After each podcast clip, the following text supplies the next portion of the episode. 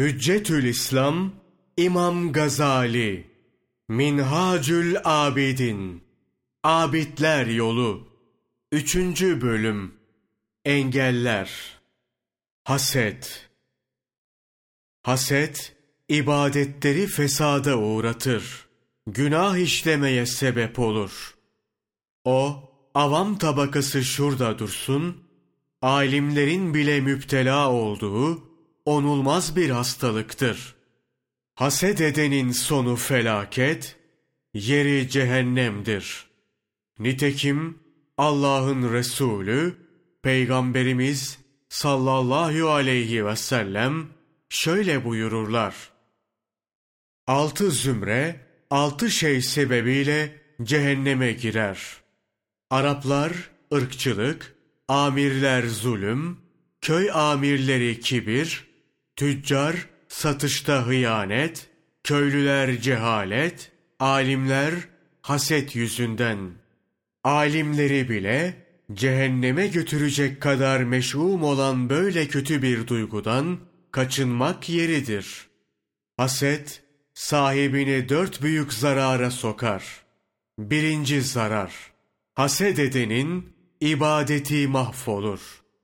Allah'ın Resulü sallallahu aleyhi ve sellem buyurur.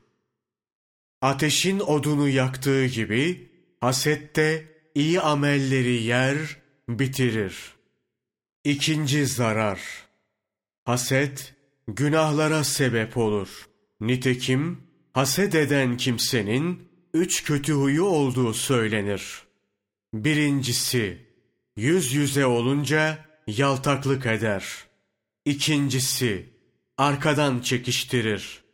Üçüncüsü, birinin başına bir musibet gelince sevinir. Allah'ın haset edenin hasedinden kendisine sığınılmasını emretmesi bile hasedin ne kadar kötü bir şey olduğunu anlatmaya yeter.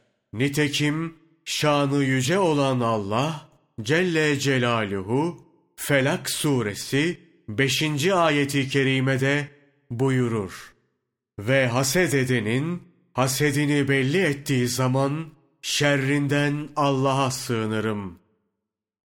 Görüldüğü gibi haset edenin şerrinden Allah'a sığınılması istenilmektedir. Şeytanın ve sihirbazın şerrinden korunmak için Allah'a sığınmak gerektiğini biliyoruz.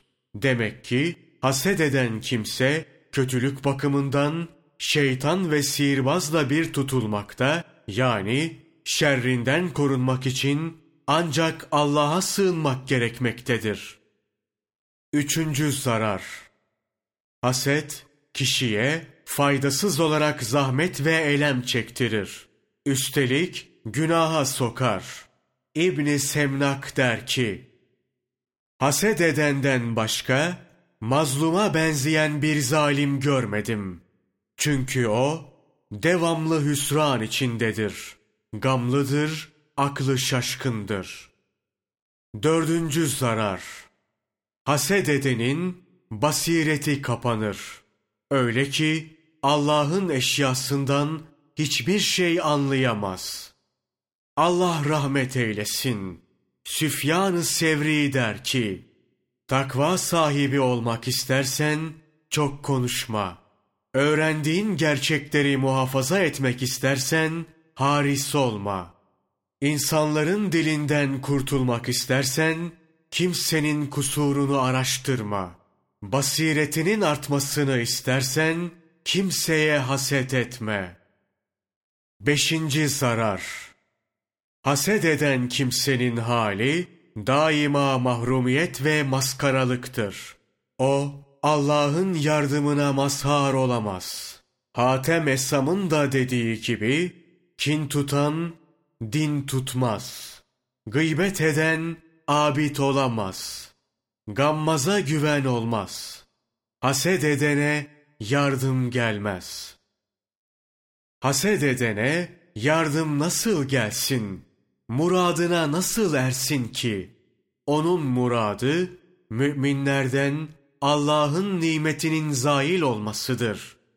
O Allah'ın imanlı kullarına karşı yine Allah'tan yardım istemektedir.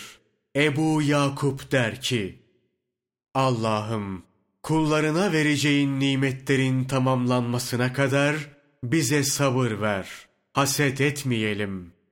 Kişinin huzurunu kaçıran, basiretini gideren, ibadetini fesada uğratan, günah işlemesine, mahrumiyetine ve düşmanlarına yenilmesine sebep olan bu onulmaz hastalığı def etmek gerekir.